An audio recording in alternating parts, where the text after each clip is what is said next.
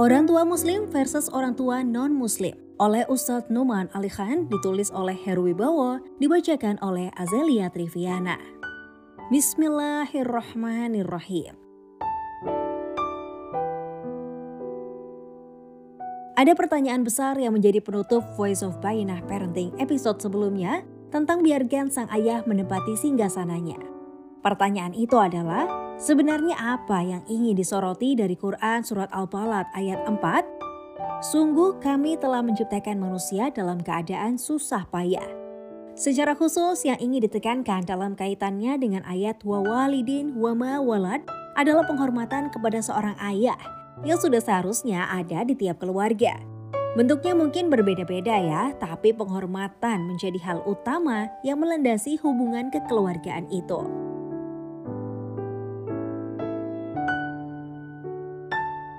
Di podcast kali ini kita akan bicara tentang sebuah hadiah yang Allah berikan spesial hanya untuk kaum muslim. Tidak Allah berikan kepada kaum kafir. Wah, apa ya? Hadiah ini juga alasan kuat loh kenapa anak-anak adalah sebuah karunia bagi orang tuanya.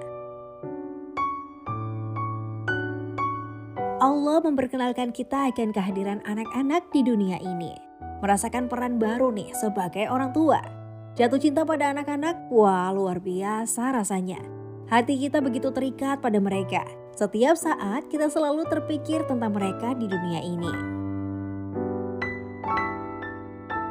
Bahkan anak-anak menjadi hidup kita di dunia ini. Mereka seakan mengambil alih hidup kita. Ya seakan-akan menjadi bahan bakar penyemangat kita. Untuk sebagian kita bahkan hanya itu saja yang kita pikirkan. Hanya itu yang ada di benak kita, hanya anak-anak kita. Kemudian akan tiba saatnya mereka meninggalkan kita atau kita yang meninggalkan mereka. Tinggal tunggu jadwal saja sebenarnya, sesuai rahasia Allah siapa yang akan lebih dulu dipanggil. Tapi hakikatnya sama saja, kita berpisah dengan mereka. Perbedaannya adalah Allah will reunite us with them in Jannah. Allah akan menyatukan kita dengan mereka kembali di surganya. And Allah will not allow the kuffar to be reunited with their loved ones, their children. Dan Allah tidak mengizinkan orang kafir untuk bisa reunian dengan anak-anak yang mereka cintai.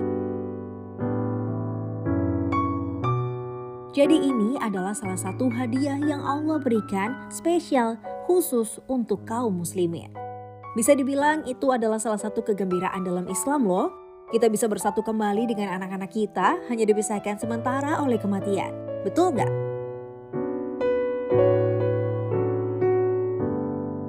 Allah Subhanahu wa taala berfirman, "Wa tarahum yu'raduna 'alaiha khashi'ina minazula." Dan kamu akan melihat mereka dihadapkan ke neraka dalam keadaan tertunduk karena merasa hina. Cuplikan dari Al-Quran Surat Ashura ayat 45. Nah ayat ini menggambarkan tentang orang-orang kafir. Anda akan melihat mereka dihadapkan ke api neraka. Mereka terperangah, begitu terkejutnya akan penghinaan yang mereka derita. Masih dari surat Ashura ayat 45, Yanduruna min torfin khofi. Mereka melihat dengan pandangan yang lesu. Maknanya adalah mereka akan melihat neraka dari samping, seakan-akan nih mereka takut melihatnya secara langsung. Dilanjutkan dengan ladzina amanu innal khosirina ladzina khosiru anfusahum wa ahlihim yaumal qiyamah. Dan orang-orang yang beriman berkata, sesungguhnya orang-orang yang rugi ialah orang-orang yang merugikan diri mereka sendiri dan keluarganya pada hari kiamat. Orang-orang yang rugi, yaitulah the ultimate losers para pecundang terakhir di hari penghakiman. Kerugian mereka double loh, berlipat-lipat. Diri mereka sendiri rugi, keluarga mereka juga rugi. Penutup dari Quran Surat Ashura ayat 45, Allah inna dhalimina fi azabim muqim. Ingatlah, sesungguhnya orang-orang zolim itu berada dalam azab yang kekal. They are in permanent punishment. Mereka dihukum selamanya. Apa hukumannya? Bukan cuma kehilangan diri sendiri, mereka juga kehilangan keluarganya. Mereka nggak bisa tuh bertemu dengan keluarga mereka. Di sisi lain, kaum muslim bisa bersama-sama dengan keluarga mereka. Sebenarnya ini adalah peringatan Allah bagi orang-orang munafik. Semoga Allah tidak menjadikan kita bagian dari mereka ya. Amin. Allah juga berfirman dalam Quran surat Al-Mujadalah ayat 16. Ittakhadhu aimanahum junnatan fasaddu an sabilillahi falahum azabum muhin. Mereka menjadikan sumpah-sumpah mereka sebagai perisai. Lalu mereka menghalang-halangi manusia dari jalan Allah, maka bagi mereka azab yang menghinakan. Di ayat berikutnya Allah berfirman, "Lan anhum amwaluhum wala auladuhum manallahi syai'ah." Harta benda dan anak-anak mereka tidak berguna sedikit pun untuk menolong mereka dari azab Allah.